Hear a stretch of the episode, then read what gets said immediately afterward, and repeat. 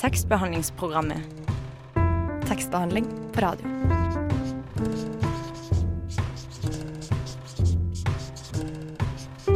Tekstbehandlingsprogrammet.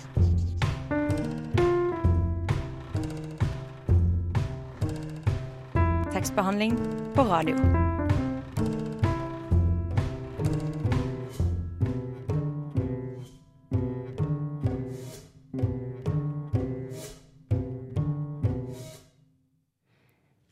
Velkommen til tekstbehandlingsprogrammet, kjære lytter. Jeg, Sofie Meirånes og Anna Witt sitter i studio, klar til å ta imot dagens gjest, Tina Aamodt. Hun debuterte med anleggsprosa, og i 2014 kom boka 'Det blir aldri lyst her'. I 2015 mottok hun Stig Sætrebakkens minnepris. Og i dag skal vi snakke om den nye boka hennes, 'Doris', som nå har kommet ut på Oktober forlag. Vi skal òg prate om tenåringslivet, mobildekning og havet. Du skal òg få høre Tina lese fra boka si. Og da passer det vel fint å varme opp med CC Cowboys 'Hun er havet'. Ja, der hørte vi flotte 'Hun er havet' av CC Cowboys. Og i studio sitter nå forfatter av boka 'Doris', Tina Aamodt. Velkommen. Tusen takk. Og før vi begynner å snakke om eh, den nye boka di, så skal du få lov til å lese et utdrag. Ja, eh, jeg tenkte jeg skulle lese litt fra eh, noen av de første sidene. Um, vi har akkurat bare fulgt en manet som svømmer innover mot kysten, mot norskekysten.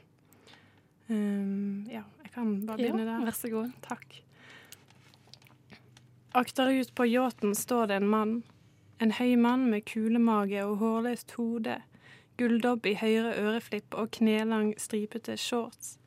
Han har stilt seg på yachtens teakbelagte badeplattform.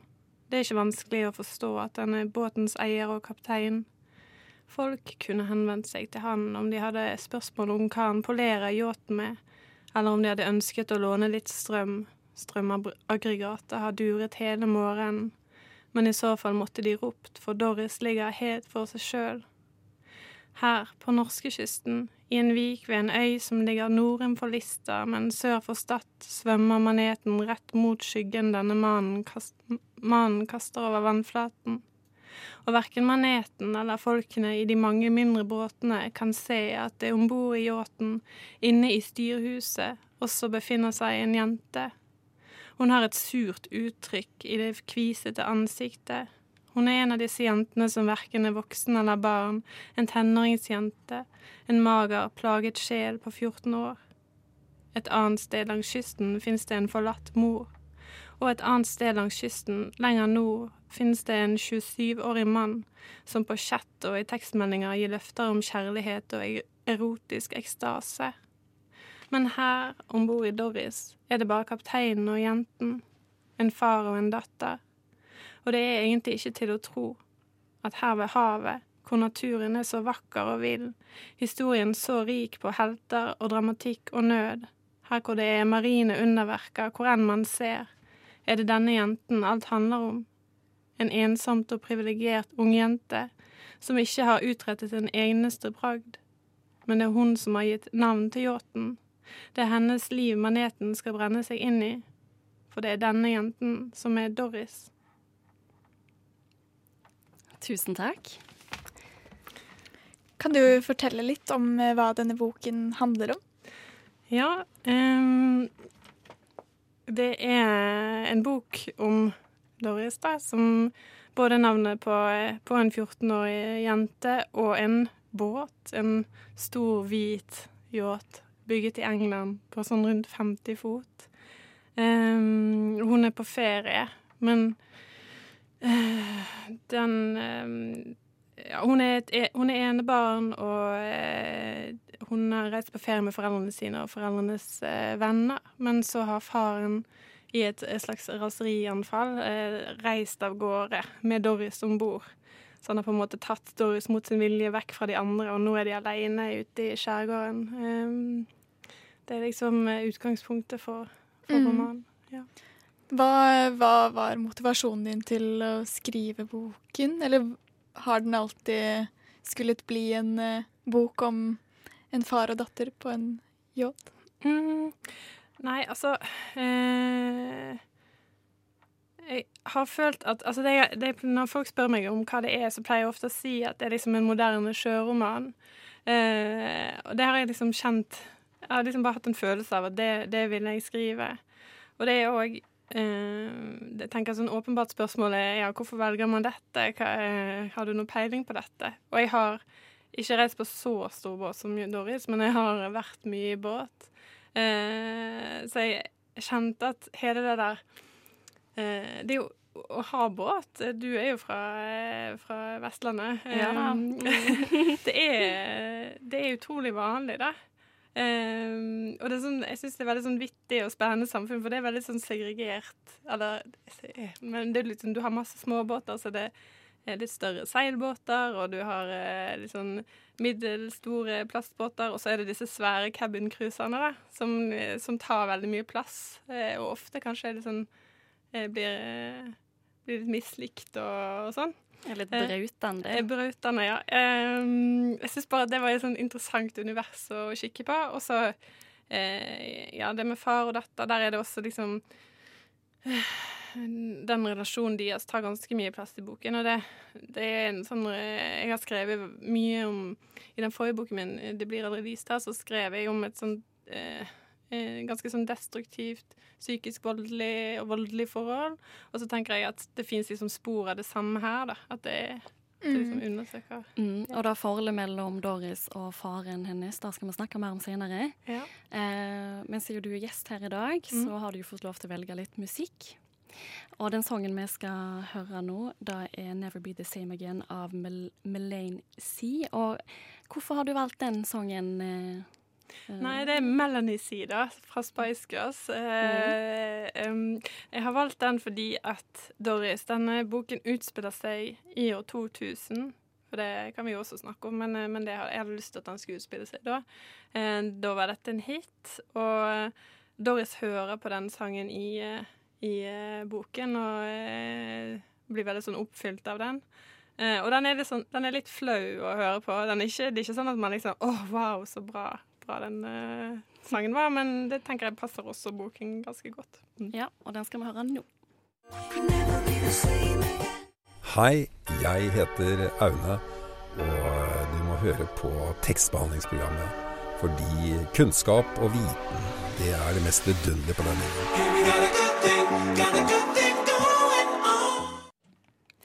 Ja, du hører på tekstbehandlingsprogrammet, og i studio eh, sitter Anna og jeg, Sofie, sammen med forfatter av boka 'Doris', Tina Aamodt. Ja, eh, og Tina, du har jo skrevet en diktsamling, en kortprosasamling og en roman før. Og Doris, det ble en roman. Hva syns du er sånn den største forskjellen på å jobbe med disse sjangrene? Og var det helt sikkert at dette skulle bli en roman? Eh, nei, ja, jeg tror jeg skjønte For jeg skrev en roman sist, og da øh, Ja, nei, da følte jeg liksom at det var det jeg skulle, skulle gjøre en gang til. Det er mye sånn føling, men, men det er jo litt sånn intuitivt arbeid. Men øh, øh, Nei, det, den største forskjellen, kanskje hvis man jobber i kortere formater for meg, er kanskje at det er mer kontrollert.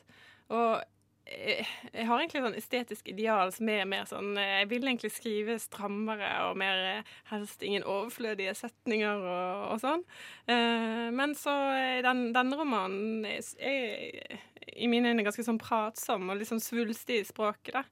Eh, men det tenker jeg også det kler innholdet litt. Det kler den litt sånn overdådige båten og sånn.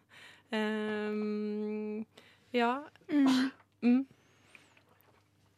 Ja, og Doris er jo en tenåring, som du sa, Mm. med kvise og fett hår og fett hud og lemmer som ikke vokser i takt. Eh, men, men du, da? Husker du masse fra når du var, var tenåring? Um, altså, jeg, jeg husker, det er ikke sånn at jeg, at jeg går levende rundt og gjenopplever det. Jeg, men jeg husker liksom den følelsen av å være så Ja, uproporsjonert, på en måte. Og bare være så eh, Man får liksom Jeg fikk, jeg fikk i hvert fall ikke, ikke til noen ting, og man er ekstremt selvbevisst. og det er en litt sånn nådeløs tilstand, tenker jeg.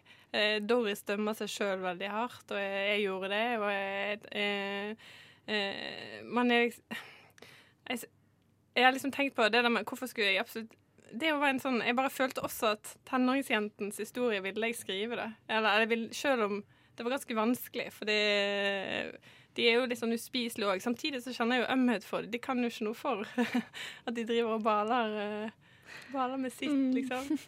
Og det er jo ikke nødvendigvis noe man vil tilbake til sånn i hodet. Drive og grave seg inn i hvordan man selv var som tenåring. Nei.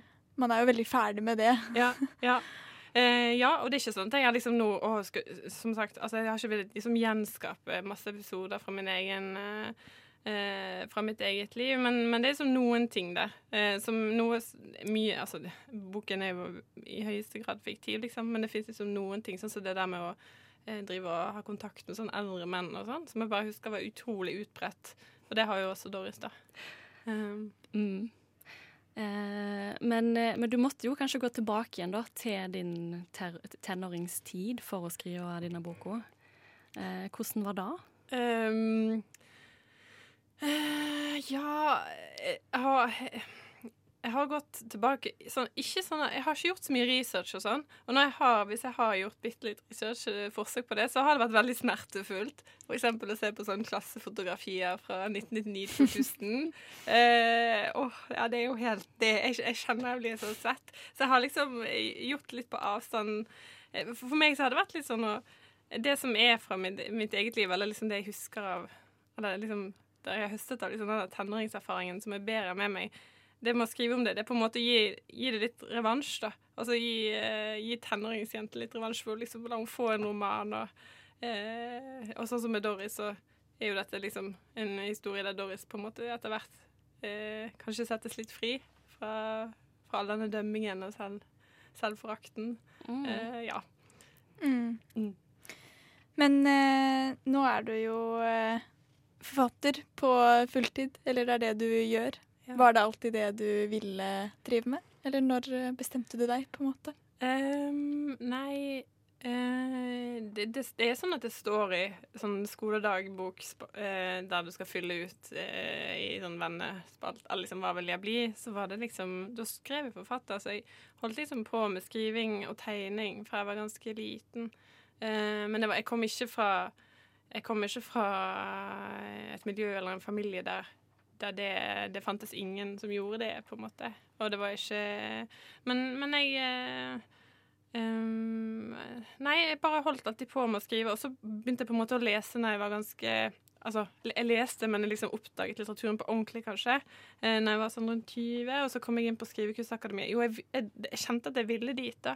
Men når jeg først hadde ja, gått der, og altså Nå er jeg veldig sikker på at det, at jeg, at det er dette jeg gjør, ja, dette er arbeidet mitt. Og, eh, så, men det har ikke vært bare enkelt. Og det er ikke sånn at, at skriving alltid er lett for meg, eller tvert imot, liksom. Men Mm. eh, Nei, Mm. eh, Murakami sier jo at du, du må springe en maraton for å være i god nok form og, Ja. til å skrive en roman, for det er en såpass eh, sånn, kraftanstrengelse å skulle fullføre en roman. ja. Og Vi skal snakke mer om eh, romanen din eh, etterpå, men først skal vi høre 'Jorda rundt' av Masova. Ja, der hørte vi 'Jorda rundt' av Masova. Og nå har vi blitt litt bedre kjent med deg, Tina. Tina. Eh, og da skal vi bli litt bedre kjent med boka di 'Doris'. Og eh, vi var jo litt inne på det tidligere, men hvorfor går handlinga ut eh, Hvorfor har du satt handlinga til sjøen? Til dette øyværet på Eh, Vestlandet? Nei um, Nei, som sagt så eh, kaller jeg det jo litt sånn en moderne sjøroman. Um, nei, for, forfatter har jo alltid skrevet om havet. Eh, eller folk har alltid snakket om havet. Jeg tenker liksom eh, eh, Havet, kysten Jeg er jo fra kysten, liksom. Det sitter veldig djupt i meg. Jeg har veldig sånn kjærlighet til det. Ehm, og det er jo fullt av historier og eh, tradisjoner. Eh, det er veldig sånn definerende for mange av oss, på en måte. Og så ville jeg liksom bare gi det denne moderne tvisten. Kanskje litt for å vise oss alle liksom eh, De her reiser rundt med en sånn stor, luksuriøs båt, og eh, ikke for å ta for mye i, men liksom Norge har jo forandret seg veldig mye på ganske kort tid. Eh, så Doris er på en måte nesten den båten er liksom en slags symbol på det, nesten. Denne, denne nyrykdommen som driver og flyter rundt der langs kysten. Så jeg liksom bare vil, vil liksom skrive om hvordan måten vi bruker kysten på, eh, har endret seg litt, for eksempel. Ja. Mm. Men en båt det er jo et ganske sånn begrenset rom, både for deg å skrive i og for karakterene. Mm. Men syns du det bare var en positiv ting, eller var det et hjelpemiddel i skrivingen, eller var det litt begrensende? Um, ja, det her er jo veldig Det handler jo mye om faren og datteren som gjør er fanget på båten, på en måte. Nei, det er jo veldig sånn uh, uh, Nei, uh, hva skal jeg si Altså, for å belyse et sånn psykologisk spill mellom noen, så akkurat det der med å putte de i litt sånn isolasjon, det er jo veldig sånn velkjent grep. og ja, det er liksom en måte å Når man begrenser det sånn, så er det en måte å ja, bare virkelig kikke nærmere på hva som foregår mellom de. Så sånn sett eh, eh, Ja, også for min egen del så jeg pleier, pleier ofte å trenge litt sånn Lage en ramme rundt det jeg skal skrive, liksom. Mm. Og nå bestemte jeg meg for at ja, men nå skal de være på båten, og så skal det være ikke mer enn et I hvert fall ikke mer enn to døgn. Eh, bare for å liksom ha noe å jobbe innenfor det. Ja, for det visste du fra starten? Ja, det var gans, ganske tidlig, altså. Eh, ja. Mm. Ja, for det er jo flott også å lese om disse øyene de er innom. Og, Mhm. eh, men det som ikke er så hyggelig å lese om, synes jeg, det er jo forholdet mellom faren og Doris. Ja. Og hva slags forhold er det de har? Kan du fortelle litt om det? ja eh, altså Eller hva forhold er det de ikke har, rett og slett? De, de har i hvert fall ikke en veldig sånn likeverdig åpen relasjon, eller hva man skal si, om man kan si det om en far og en datter, men det er liksom eh, Faren er Han er ganske sånn kontrollerende eh, type, som kanskje eh, Ja, han er, han er kontrollerende, eh, men, men det, er ikke sånn, det, det er ikke sånn at han, han er hva skal man si? Han har, har liksom, man aner fort at han har litt sånn narsissistiske tilbøyeligheter. Han er veldig selvopptatt og sånn. Eh, og det går utover Doris, og hun, Doris må på en måte tjene hans behov. Eh, ikke seksuelt, eller noe sånt, men hun må bare ikke Han har på en måte noen regler som Doris bør følge, og man bør ikke avvike fra de reglene. Og så er det Ja, jeg vet ikke helt hvordan stemningen Hvordan dere oppfatter det når dere leser det, men jeg har ikke skrevet det sånn enormt dystert. Det finnes liksom en litt sånn letthet i dette. Man ser ikke nødvendigvis med en gang hvor, hvor kjip faren er, og han er jo ikke bare kjip heller, men liksom Eh, jeg syns den er ganske kjip, jeg. ja, ja, ja, det står, ja, ja. Han, noen eh, han er, han er ganske kjip, altså. Men eh, eh, jeg tror at, at han ikke nødvendigvis mener å være så kjip, men han er liksom Han er litt sånn lost, på en måte. Eh, men han oppfører seg jo veldig dårlig. Man kan ikke oppføre seg sånn uansett hvor lost man er, liksom. Nei, sant. Ja, eh, mitt inntrykk er iallfall at, han, eh, at humøret skifter veldig. Fra å være Ja. veldig snill og gavmild til å eh, og, og, på en måte legge, skylden på legge all skylden på Doris. Um, um, igjen, vil du si at han er usikker på seg sjøl? Ja, det tenker jeg at han er. Eh, og det liksom kommer Han har vel liksom bekreftelsesbehov, da. Eh, nei, han er absolutt usikker. For jeg tenker at eh, jeg vil ikke skrive en sånn liksom psykopat-type som bare eh, Hvis man skal liksom definere på den måten. Men de, den type folk durer gjerne på uansett. Har ingen, de, de har egentlig ikke så mye sånn eh, empati med Eller de har ikke de har ikke så mye indre følelsesliv, tror jeg. Mens, eh, mens han, han har virkelig det. Han, er, og han, han har liksom noe han prøver å skjule på en måte hele tiden. Han er redd for å bli avslørt. Eh, Det tror jeg er en sånn grunnfølelse for han. da. Men det er ganske sånn heftig for en 14-årig jente å måtte ta ansvar eh, for, tenker jeg. Ja. Ja. Mm. Nå skal du få lese litt mer fra boka di til oss. Doris er ingen kvinne. Den absurde tanken på at noen en gang skal omtale henne som dame, kan få henne til å bryte ut i høy, hånlig latter. Doris vet hva hun er. Folk må ikke tro at hun ikke skjønner at de betrakter henne, her hun står og ruver midt i glaningen på yachtens tak, tak, stygg og deilig, det avhenger av hvem som ser. Hun har brunkrem i ansiktet, bleket kort hår og skjelettaktige lår og armer. Lange tennissokker, fillete dongerishorts, svart spagettistroppet singlet, mørkrosa stringtruse, som farens konfliktsøkende søster sendte henne i en trepakk til jul. Shortsen siger alltid litt. Særlig når hun står fremoverbøyd og fortøyer, er det så å si umulig å hindre det rosa trusestoffet i å komme til syne. Forstår de også hva hun heter? Doris. Datter av Urstrømmen, gudinne ved fiskebankene. Men det vet hun ikke sjøl. I denne familien har man aldri tenkt at et navn kan romme noe sånt.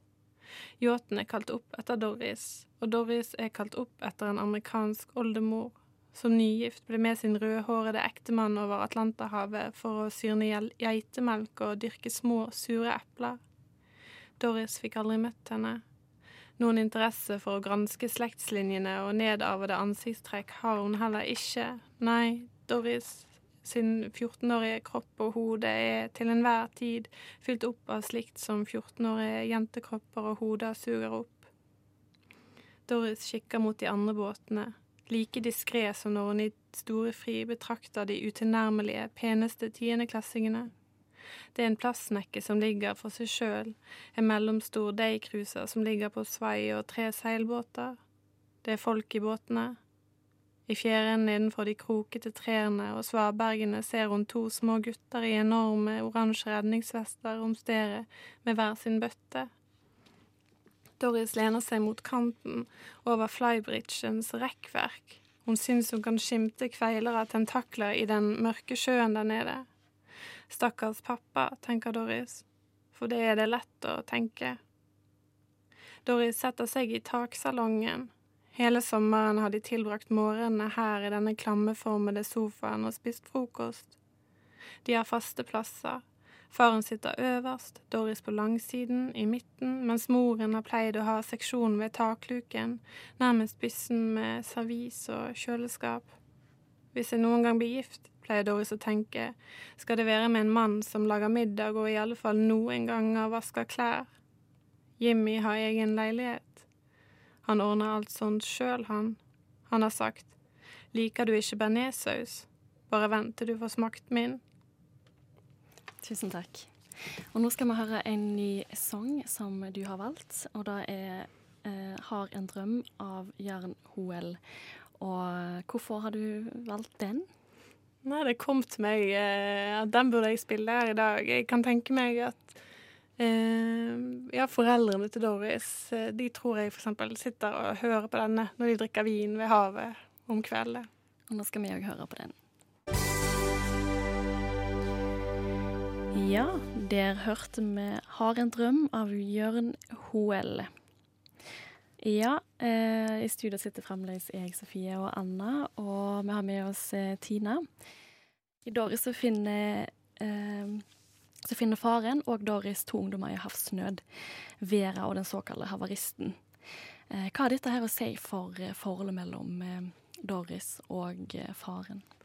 nei, det skjer ganske seint i boken. Har vi, altså det har bare gått et døgns tid der Doris og faren har vært alene. De har jo også forlatt Doris' mor. da. Eh, hun befinner seg sammen med de andre i feriefølge. Eh, men da har romanen liksom tatt plass, da det bare har vært den, den der dynamikken som, eh, som har, ja, har, tatt mest plass. Og så eh, skjer det da et skifte. Det er jo på en måte et klassisk romangrep, da. Eh, og det som skjer med, med dynamikken De må jo eh, forholde seg til, til, til noen andre. Um, og faren må på en måte endre ansikt litt, uh, som han kanskje gjør når det, kommer, når det er andre til stede. Jeg tenker at han er en sånn som, som viser ett ansikt hjemme, muligens. Og ikke alltid Eller kanskje han er litt annerledes med andre, da. Og så er dette to ungdommer. Um, og for Doris så, så er det spesielt denne jenten, som er noen år eldre enn noen, som på en måte representerer noe helt nytt for Doris. Som Doris er fra en bygd der eh, det finnes et begrenset antall liksom, prototyper eh, av folk, eh, mens Vera har en slags verdensvanthet da, som Doris blir sånn sjokkert og fascinert av. Mm. De husker man jo fra sin egen oppvekst, de som kom med noe nytt som man syns var veldig spennende. Mm. Mm. Men um, de stedene som Doris og og familien eller faren reiser til, er jo ikke navngitt. Men er det til steder du selv har vært eller reist til? Uh, ja, det er vel ingen, ingen, steder som er helt konkrete. Altså egentlig vil jeg ikke Egentlig så vil jeg på en måte Selv om jeg har satt det til år 2000, så vil jeg det, det vil jeg gjøre. Men jeg ville også at det skulle være en slags tidløshet over, over det hele. Og ikke liksom binde det for mye i geografi, eksempel, også. Uh, men Men så i, i introen så skriver jeg at det er et sted mellom eh, Stad og Lista. Og Lista er jo helt Eller Lindesnes. Altså det er liksom helt sør, og Stad er jo helt Nordvestlandet. Så det er veldig sånn stort spenn, liksom. Eh, eh, men man skjønner at det er på Nordvestlandet. Og jeg, nei, jeg ville Jeg har lekt litt. Altså, jeg skjønner at Mm, jeg har liksom, jeg har diktet de, de, de, litt opp, men alt har liksom elementer av steder der jeg har vært. Og jeg har vært mange steder med båt. Mm. Mm. Ja, blant annet så skriver du at uh, faren har vært uh, og sett UFO-ringen. Ja. Mm, og, og det må jo være Espevær. ja, ja. ja. det er en tidligere ferie, men uh, ja. Ja. Mm, ja. Flott plass. ja. Men ja, du snak, sa jo at eh, handlingen foregår på 2000-tallet. Og da, så vidt jeg husker, så sier du ikke da eksplisitt i, i boka. Men du nevner jo disse Baneheia-drapene. Mm. Eh, og vi skjønner jo at eh, det er noen år siden, for du har liksom rosa mobildeksel, og dekningen Du må gå på toppen av eh, småhauger og fjell for å få dekning. Mm. Eh, hvorfor? Hvorfor 2000-tallet? Eh, ja, det er to, år 2000, og eh, da var jeg omtrent like gammel som Doris. Bitte litt eldre. Eh, men det er ikke sånn at jeg har skrevet år 2000 for fordi jeg ikke klar, eh, kom på noe bedre. Eh, liksom For det første så syns jeg at å skrive om å være tenåring i dag ja, det, det da tror jeg man måtte forholde seg til kanskje litt annerledes problemstillinger enn, eh, enn det, jeg, det, jeg, ville kikke på. Eh, jeg hadde liksom ikke, jeg hadde ikke så lyst til det nå. Eh, og så syns jeg at ja, det, det, har vært veldig gøy. Akkurat det der med å ta liksom denne estetikken fra år 2000, for eksempel. Det med å utstyre hun med platåsko og eh, det der med Bare det at, alle, at de kule røykte og sånn. Og det var på en måte ganske sånn mer brutalt. Eller sånn som i dag, så drikker jo ikke tenåringer lenger, ifølge artikler, liksom i sammenlignet med i vår tid. Um, uh, ja, også det tenker det syns jeg var artig. Også, også det der med teknologien. Det er sånn brytningstid, liksom. Internett er kommet, men det er noe helt annet enn det er i dag. Men liksom uh, Det gjør det liksom mulig å bli en annen. Og det å kunne gå på internett og, og chatte med eldre menn. Uh, men, men det er ikke så, liksom Man er ikke så man er ikke så gjennomført iscenesatt sånn som i dag, da. Eller kanskje man kan være i dag. Jeg syns iallfall at jeg som òg er oppvokst på den tida, det var veldig morsomt, og jeg fikk litt sånn ja, nostalgi, kanskje. Ja.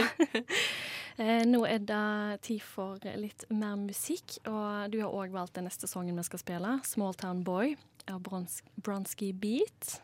Ja. Noen kommentarer? Og jeg ville bare liksom ta med en fantastisk sang. Og den handler jo òg om sånn om å dra og bli fri, og det tenker jeg jeg ville kanskje gi den i en slags gave til Doris. Uh, uh, ja, det er en bedre, friere tilværelse mulig. Ja, mm. Ja, nå nærmer vi oss dessverre slutten, men jeg lurer på, uh, Tina Helt til slutten av boka så knytter Doris platåskoene sine og går eh, opp fra brygga. Men plutselig så har hun på seg noen andre sko med svarte såler. Mhm. Hva er det som har skjedd her? Er dette et symbol på noe? Nå er det kanskje en litt spoiler da, for de som ikke har eh, lest boken, men eh, kan du fortelle litt om det likevel? Ja, um, altså ganske tidlig i boken så eh, kommer det blant annet frem at Doris, at det er forbudt å gå med sko med svarte såler om bord på båten, for det setter da svarte striper. Eh, det la, ja, det skitner liksom båten til. Eh, og så tenker jeg um, det, det, er liksom et bud fra far, da. Og så er dette Boken er fortalt på en måte som Fortellerstemmen er liksom allmektig, eller allvitende. Eh, den, den, kan liksom hele tiden drive, drive, og kommentere alt Doris tenker og gjør. Den vet alt om Doris. Men på slutten der Eh, når det har skjedd noen ting. Så eh, plutselig så eh, forteller fortellerstemmen at ja, hun tar på seg platåskoene, men så er det noen andre Det er noen andre sko. Og da tenker jeg at man, ja, man kan lese det på flere måter, da, men at Doris eh, hun har også et hemmelig liv. Hun har noen sider som vi, som vi ikke har fått se, eller kanskje som er i ferd med å springe fram, eller eh, Ja. Eh, jeg skal ikke overanalysere min egen tekst, men liksom tenker at det, det er veldig sånn håpefullt at hun har eh, nye sko. Mm. Ja, Nå skal ikke jeg overanalysere nok, jeg heller, men du har jo dette filosofien at du går rundt med briller, og at du kan ta på deg andre briller for oss og få et uh, nytt perspektiv på, på ting. Mm. Og litt av at hun går rundt i noen andre sko. Ja. Eh, kanskje hun har endret seg, kanskje hun har revet seg løs fra alt som skal være eh, normalt, og er ikke, følger ikke strømmen lenger, kanskje. Ja, kanskje. Jeg heier på Doris, i hvert fall. Ja. Men eh, nå er jo boka du sikkert har holdt på med lenge, ute. Mm. Og eh, den eh, Ja, folk kan lese den. Ja. Men eh, hva gjør du selv når du er ferdig med en bok, eller har gitt ut en bok? Reiser du på ferie, eller eh, begynner du rett på noe nytt? Um, nei, akkurat for tiden så driver jeg med, med blant annet å liksom eh, prøve å samle mat materiale. Liksom bare eh, ja, famle litt, på en måte. Men jeg har egentlig noen prosjekter som jeg vil skrive. Jeg bare Jeg tror ikke jeg er helt klar for å gjøre det ennå, men jeg liksom Ja. ja. Eh, men jeg, det er det der med å arbeide videre. Det syns jeg er veldig viktig. Jeg klarer ikke liksom hvile veldig på de Så ikke helt ferie nå. Nei. Radionova er best. Alle andre er tapere. Radio Nova.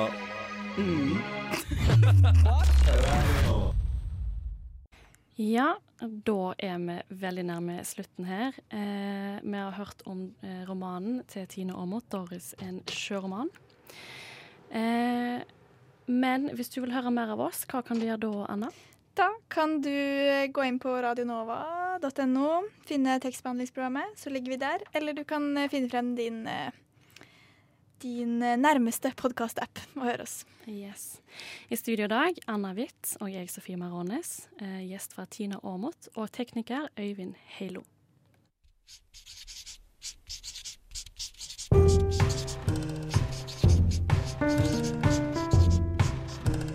Tekstbehandlingsprogrammet.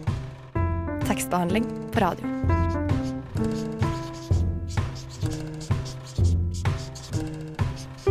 Tekstbehandlingsprogrammet.